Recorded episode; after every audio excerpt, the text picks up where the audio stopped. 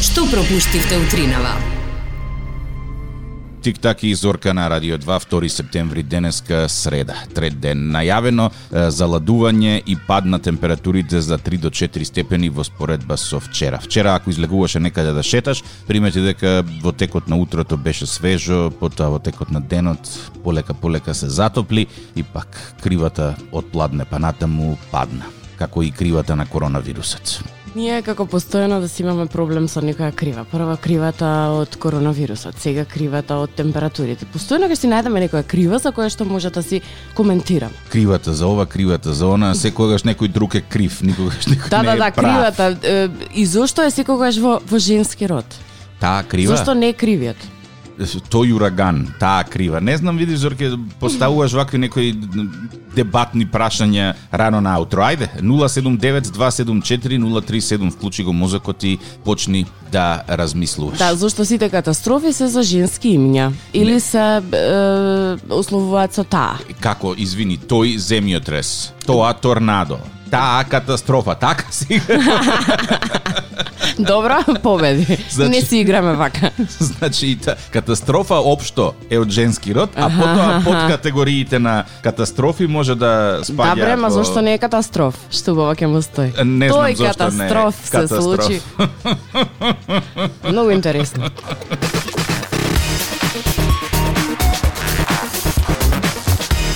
Значи, детето пред некој ден го искасаа кумарци, мислев дека е нафрлано нешто, всушност сватев дека јас ги имам истите пликови, значи не е нафрлано ништо. Вела а докторите има два типа комарци, тие скопските старите и овие новите со зика или кои да е нилски вирус кои што е, касаат 24 часа дневно во споредба со овие домашните кои што касаат само навечер и пликот е различен. Домашните ќе ти се направи на стандардно како меурче, а овие увозните кои ќе те каснат, тоа се рани пликови и Е, па ги отоци. сакам стандардно. Страшна работа. А увозните кој не ги донесе? Кој не ги Кој не ги увезе? донесе е, не Да, Имаат ли декларација?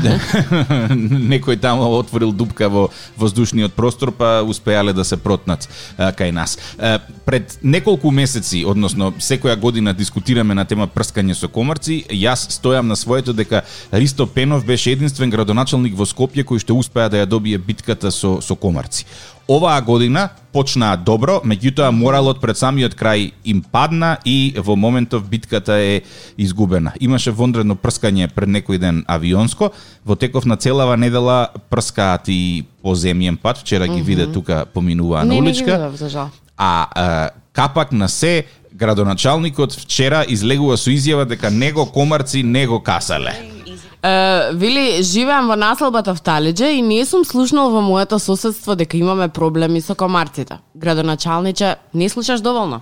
Еве ги па. пак. Тој знае дека Скопјани, особено во последниот месец, се жалат дека се срдисани од убаводи на комарци и очекуваат дека во петок ќе биде ставен крај на нивната мака. Како тоа? Ќе заврши прскањето против возрастните комарци. Аха, ние имаме проблем со возрастните, беби комарците се следни што можеби ќе накаса. Да, де, прво те каса возрастниот, па потоа расте оној малиот и тоа е endless, бескраен циклус. А, утепај го готова побудале. А, вели секогаш кога се прска треба да се мисли пред се на здравјето на луѓето, се служувам, е, затоа што прската химикали и токму заради тоа мора да биде се посериозни протоколи и препораки од здравствените власти. Океј, се слагам, да, има химикали во во она што се прска, тоа е под број 1, под број 2. А, не можеме ние како луѓе толку многу да го контролираме тоа како ќе се однесуваат комарците. Под број 3, оваа година имаше навистина плодна почва за да излезат и да дојдат многу комарци. Ама мене друга работа ме интересира. А, истата клима имаме, така? Па не е баш истата Не, не, не, промената. е. зборувам истата клима со другите градови низ Македонија. Бев Да. во Охрид 4 дена, во Охрид сум се враќала ренде од Охрид, секогаш. Овој пат малта не бев во Така. планина и... Нема, значи, Ни како, си го затепал. Оне како Феникс т- 20 пати воскреснува, ќе го плеснеш и пак... Пушти микрофон да го истепаме, не можам да издржам. Чекај, докажи до Охрид. Сакам да ти кажам дека во Охрид нити земав средство за мачкање, за комарци, е, нити пак воопшто 4-5 дена не помислев на комарци. Се враќам во Скопје, ренда ме прават. Е, ги има многу, се надевам дека ова прскање ќе резултира со, со намален број на, на комарци.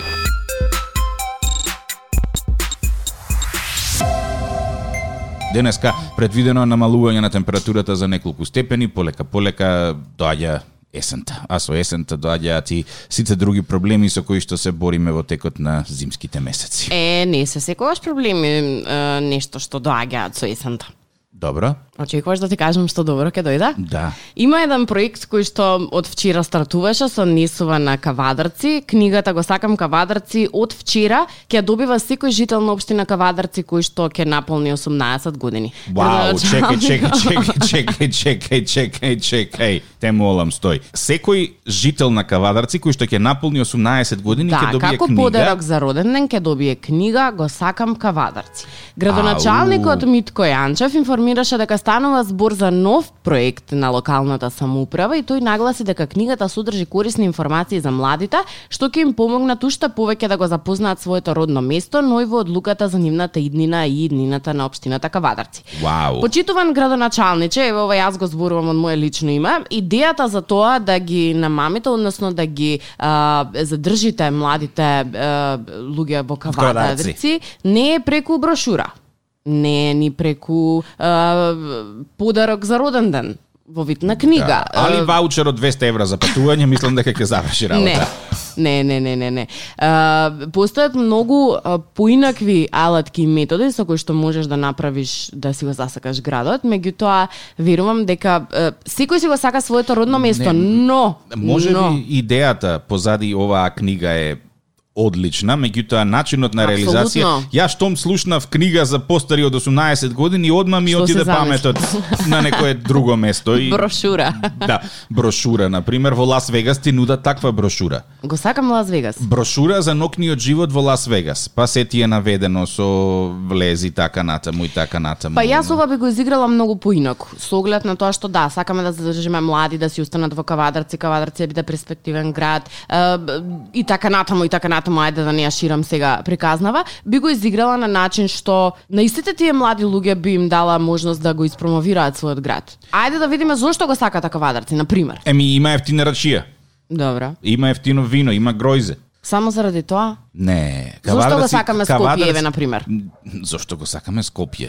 Кавадарци е еден од градовите кои што е, на вистина личи европски во последно време. Значи Да. средено е, чисто е, урбанизирано е. Секоја чест за за локалците Јас- таму кои што се трудат на вистина да направат нешто од Кавадарци во споредба со тоа каков бил пред. Ехе, Еве, е, јавно, јасно и гласно ќе ќе кажам дека јас оваа година дури имав амбиции да го посетам Кавадарци наместо да одам на, лет- на се летување на развива друга. туризмот во Кавадарци. Не, ама сериозно, имаат многу убави места на кои што можеш да одиш и да одмориш душа и, и мозок некои 5-6 дена. И при тоа да не платиш цело богатство, нели?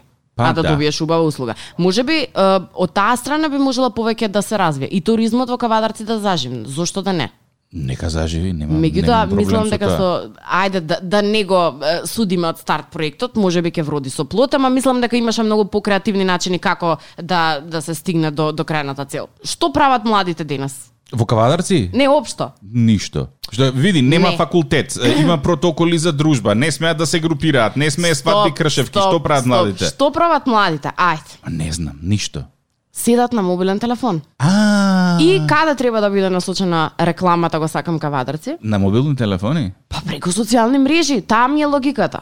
Не знам, Зорке. Ти болека како размислуваш и што размислуваш, ќе те лапне некоја маркетинг агенција и ќе одиш да правиш пиар кампањи за кавадраци И ќе на место да бидеш водиш тик-так, тука. без Зорка. Утринска, да. А, Стаса порака на Facebook, јас по Сабајлечки ве слушам со закаснување од еден ден. Денес слушав вчерашна емисија, бидејќи почнуваме со работа од 7.30 и немам можност да бидам на слушалки цело време, а вака Сабајлечки од 7 додека патувам, возам и слушам. Ако е, не можеш да не слушаш во живо, е, можеш да не слушаш на slušaj.tiktakizorka.mk секој ден ја вадиме емисијата која што во живо оди на радио. За роденден и facebook.com коса црта тиктак и зорка и instagram тиктак и зорка. За денеска има За денес, колку? Нема. е, Јас колку што што гледам имам 5-6 родендени, ќе мора да направиме некоја томбола овде со извлекување на ливчиња од здела, кој роден ден ќе оди, кој нема да оди.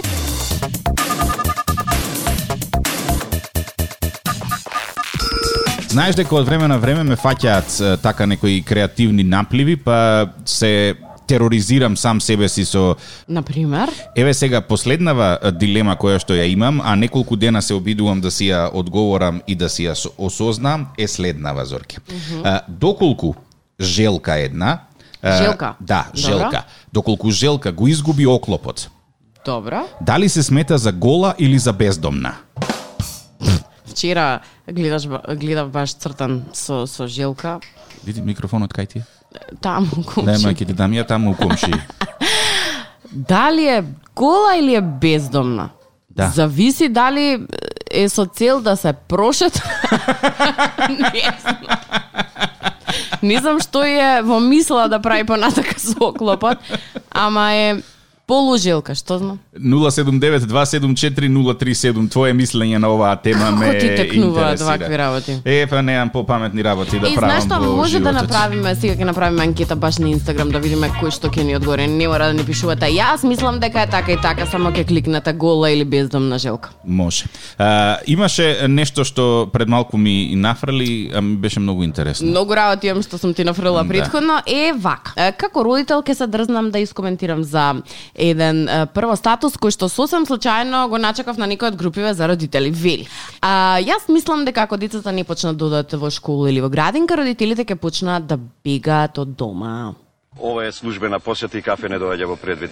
Прашање. За среќа децата ќе почнат да одат во училиште и во градинка. Не сите. Не сите, меѓутоа градинките еве најавено е дека ќе се отворат на 9 септември. Владата на вчерашната седница донесе одлука за повторно отварање на установите за згрижување и воспитание на деца. Едно друго нешто ме ме интересира мене. Како тоа се ја знам дека ова не е буквално напишано, меѓутоа и фигуративно и на шала и на смеа. Ваква нешто родител не смее да си дозволи да си пише. Е, Тоа дека ќе ќе го збудала децата? не дека родителите ќе почнат да бегаат од Бегаат од дома. дома. Јас сум еден од сега, види. Одма ќе се појават душе бризници кои што ќе кажат е, дека ау, па како така, па не смееш ти Имаше да кажеш, многу па тоа се коментари на деца, тоа, па да, вака, па и јас се онака, слагам дека не треба и не смееш да си кажеш, ама е, кога пишувате или размислувате на вакви работи, е, ставете го прстот на чело и е, запрашате се зошто е тоа така. Е, децата се огледало на родителите. Така е. И веројатно кога го гледате своето дете и не можете да го поднесете во одреден сегмент затоа што е претемпераментно или зборува премногу, е, сетете се дека тоа тие работи ги има научено од вас. Слушај сега јас да ти кажам, е, син ми тргна на факултет пред три дена, значи се одсели од дома. Добро. Последниве два месеци мајка му пекаше како не ја почитува, не ја слуша, не прави муабет со неза, ја игнорира, а овој викаше едвај чекам да се одселам од дома. И детево си тргна на факултет, у неделата се всели во студентски дом, од неделата до вчера по телефон се чувме 10 пати. Вчера се Што јавува толку зборува? Се муабет татко син. Вчера се јавува е, мајка му и вика е, си зборел со син ти, ја викам се утепавме од зборење 10 пати. Леле од како отиде мене не ми се јавува, јас цело време му звонам да го прашам како така. А бре Престани вика да му «Е, звониш». престани да му звониш, остави го детето да дише, до пред три дена кукаше како сакаш да се тргне од дома, сега зошто не ти се јавува, па човек не за се не може да ти најде. Се надавам дека не ја слуша емисијава брат ми, мајка ми сигурно ја слуша, меѓутоа имаше ситуација каде што исто така брат ми се одсели во друга земја, периодично да живее и да работи таму. И да, исто, како и секој млад човек, првите две недели, ама не те помислува. Па не те значи, ни помислува, дали е да. жив, не кажува, ни дали е здрав, ни како стигна, ни со кого живее, ништо. Е, Звони третата недела и на видеокол векам каже, како се уклучува машината? Сакам да ти кажам, Кога ќе имаат кога проблем, ќе ќе има се зорт, јават. ќе ти се јави. Да, јас велам. Ако не ти се јавува, значи се е окей. Во моментот кога ќе почне да ти звони, знаеш дека нешто не е како што треба. Така да родители чии што деца се тргнале од дома, немојте да паничите многу на на на Кај ни оваа тема. тргна темава? Темава ни тргна тоа дека родители не сакаат да, е, односно се плашат дека децата ќе им останат дома, а кога децата на вистина ќе заминат некаде, па тогаш ние се плашиме зашто не ни се јавуваат. Чудна работа сме ние родители.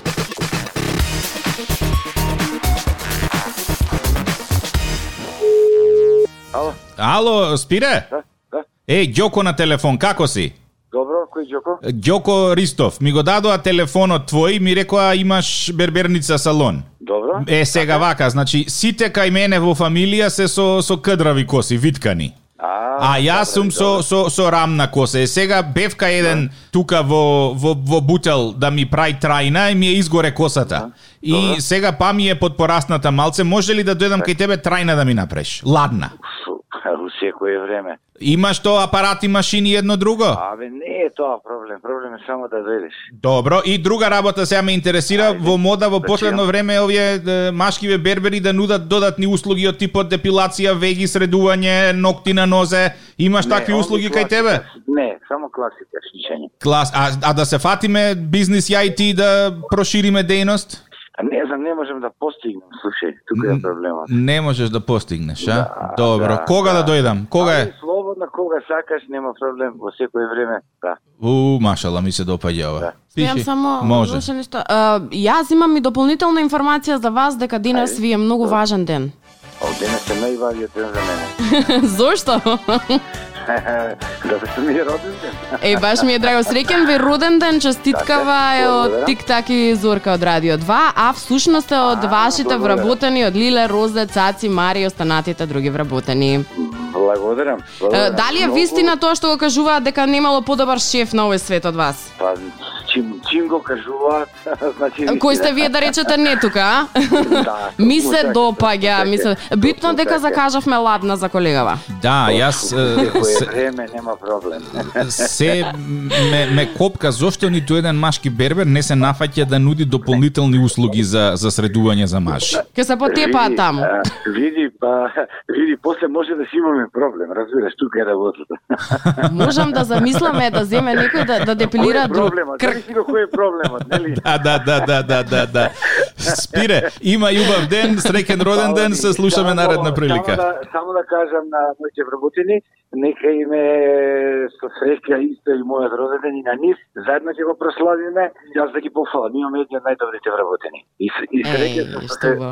со мене, да. Супер, драго ми е. Имај прекрасен ден. Зорке, да те прашам нешто. Колку време поминуваш бирајки козметика за лице? Е, ти си цирка во тие години кога треба да почнеш да користиш козметика против брчки, против што се не се користи козметика. Сакаш нешто да ми кажеш? Сакам, имам брилијантна бизнис идеја. Прво да се истепаме, па може да ја слушнаме идејата за тоа со брчките.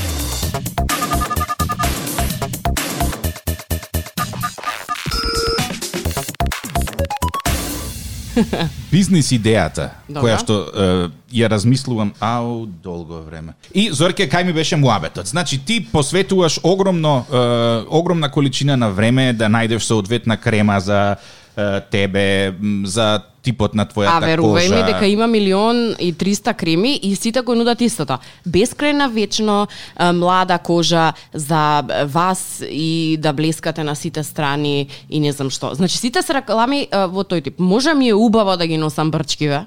Знаеш Кој што ли ги Зорке колку е, колку е, потенцијална заработка лежи во мојата идеја? Ајде да слушам. Е, колекција на креми и е, препарати за разобувување кои што се е, наменети стриктно за половите органи. Маркетинг трикот ќе ми биде зошто вашето лице да не пати.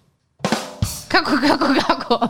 Што, зошто вашето лице? Да не пати. Значи, автоматски, ако ти толку време поминуваш на, на, на разубавување, на подмладување на лицето, зошто го за, запоставуваш вториот најбитен дел од твоето тело? А тоа е вториот навита. А, Не мислиш дека ќе се продава тоа? Па не Подмлади се. ос- Видиш, се Како подразмисли горе. малку, се подразмисли Како малку. горе, така и долу. доле. да. добра сум за кампања. да. За реклама. Мислите, Да. Зошто зошто горе да изгледате 30, а доле 60? Да. Изгледа исто на сите делови од твоето тело.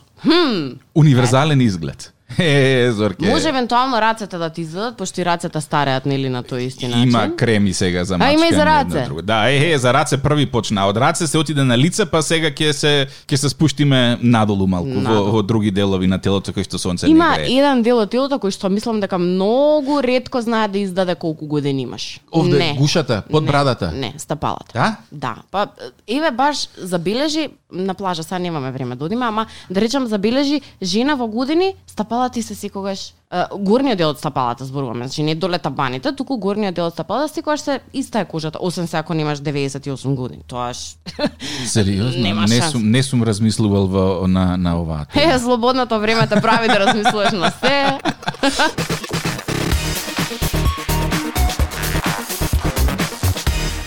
искрено, има делови, значи не може да се предвиди, ама обично кога има Лига Шампиони, Лига Европа, тогаш е најинтересно. ај. Така да Машала. тогаш има највеќе гужва. А да кажеме ако сакам да турам ливче за за шеста лига исток во Италија, Можеш за која сакаш. постои Кога такво. сакаш да. Постои Кога такво сакаш, нешто? освен- Нормално ако се, мислам, дадени на преварите за игра, да. У, Ако машала. има шифра. Така е тоа. Пра време, све има. Да. Среќен роден ден. Благодарам. Тик-так и Зорка од Радио 2, честиткава ти е од... Вереницата Ивана. Благодарам многу. Како ќе се слави денеска? Како ти пуваш? Па, Ќе видиме. Да, со, со мерки. Со, со двојка у кец. Или Така како и да е тој вашиот Кецу жаргон. 2, ја мислам дека е тоа. Немам Како и појма. да е, ќе биде убаво, тоа е најбитно. Супер. Што и да правите, убаво да си поминете, памет у глава, а ние се слушаме наредна прилика. Ви благодарам многу. Убав ден имајте. Чао, чао. Легендата вели дека ако отидеш во облежувалница и пробаш да уплатиш еден во два, нема да ти уплатат. Зашто? Затоа што е кецу 2. И никогаш поинаку не може да биде од кецу 2 и 2 у кец. А што значи тоа? Ау. Знаеш дека никогаш во живот се немам кладено. Ето го, така, човекот го пропуштивме, сега не го Нема, прашав. Джабе сто пати ми повторувале црткава Мислам дека едноставно не, беше не кецу процесира 2, тоа. кецу, мислам дека беше сега. Првиот да победи у второ полувреме. Не, првиот победува во прво полувреме, а вториот во второ. Во спортски е, жаргон пресврт настана. Така? А X или 0. Икс е нерешено. Ај, знае. А, а кеци 3 плюс? Ај се. Ова го знам 100%. Кеце да паднеш 3 плюс е Не. преодно добро. Кеца да победи а, првиот. Како му доаѓа гостинот? Н- Гостинот е прв запишан? Не, домакинот е прв. Е, па запишен. домакинот е Ова прв Зорке како ти ти спо, ти ти спортско обложување која да земам да читам рецепт, не ја бива работата. А 3 плюс знам дека е да има повеќе од е, да има три или повеќе од три голови на тој надпревар. Ау, ама ова е цела наука, ова не, не може туку преку ног да станеш обложувач. Почитувани обложувач. слушатели, ово беше образовниот дел од нашата програма. Radio 2. да видам некој скопски джетсетер. Може. Ало, Наталија, добро утро. Добро утро. А, Горан е тука. Вчера купив а, крофнички од твоите на сливница, ако се сеќаваш. Е, ама да. имам еден мал проблем. А, н- се сеќаваш во муабетот, јас ти кажав дека сум на посебен режим на исхрана, дека конзумирам само масти и млечни производи и знам дека крофните се е, тип на храна за за cheat day, нели, за за лажење што се вика. И се е тоа супер, ама утринава Наталија се качив на вага и вагата вели 600 грама плюс. Како може од една крофна 600 грама да се качи? Со што ги полните крофните? Ги полниме со јајца и со млеко. Ама Наталија, јас конзумирам редовно по 6 до 7 јајца дневно и веруе ми не е од јајцата. Какво брашно користите? Како брасно? Ти 400. Тип 400 брашно, па затоа јас се чувствувам толку подуен, Наталија. 600 грама, знаеш ли ти што значи тоа 600 грама за некој кој што толку многу се труди да го одржува собственото тело? Па мислам, јас мерам брашно, она на, на, на лажичка, што се вика пола лажичка брашно и тоа бадемово брашно сам си го правам дома. Земам едни органски бадеми, па ги потопувам во вода, па ги мелам во два камена, па ги тускам, па од нив си правам крофна, а ти мене ми продаваш крофна со брашно тип 400. Па знаеш ли ти што се случува во мојот желудник од како јас ги ко- изконзумирам брашно тип 400? Па тоа е Хирошима и Нагасаки и сите нуклеарни проби на Америка споени во едно. Па знаеш ли ти каков глутен е, содржи тоа брашно тип 400? Па тоа е тој кинескиот модификуван, па затоа ние толку многу со дебелееме. А знаеш ли што е најстрашно? Девојката се бајле ми вика, леле си пуштил меф, јас ке си одам со друг, па сега што да правам? Па Наталија, те молам. Јас ти препорачам не една, две кросни да касни. Па да, сега откако ќе ме остаи девојката, може и сите да ти ги купам и да седам на плажа и да ја, да ја, да ја лечам тагата моја насливница со крофните од Наталија. Така. Наталија, Да. а, јас имам информација дека Дина за тебе е многу посебен ден. Да, поседен. Зошто? Зашто ми е 25 роден ден. 25-ти роден. Нека ти е среќен роден на Наталија. Е, Тик-так и Зорка од Радио 2. Честитката ти е од мајката Билјана. Ќе клаиш свејчи на едно крофниче да касниме? Благодарам ви Ама заради. добро се снајде, добро се снајде. Ви благодарам. ти благодарам. Редовно ве слушаме. Редовно ве слушаме. А ти не позна малку, а? Е, Јас да, да, ве познав, како не. Е, Наталија, Джабе со Наталија. тип 400, со тип 500. Имај прекрасен Ајде, ден. побарете на крокни. Ти благодарам, може би е, следниот период е, и ќе имаме шанса да се видиме, зависно нели каква ќе биде ситуацијата, ако не до година секако те имаме во предвид. Имај си убав ден и најбав 25-ти роден ден, поздрав и до тебе и до е, твојата мајка Билјана која што Поздрави, добро, благодарам. Ета така. Супер. Има љубав ден. Емисијата по 15 часот достапна на Facebook. Се слушаме утре во 7:30. Чао, чао. Чао. На Радио 2, секој работен ден од 7.30. Будење со Тик-так и Зорка. Во случај на неконтролирано смеење и симптоми на позитивно расположение, консултирайте се со вашиот лекар или фармацевт.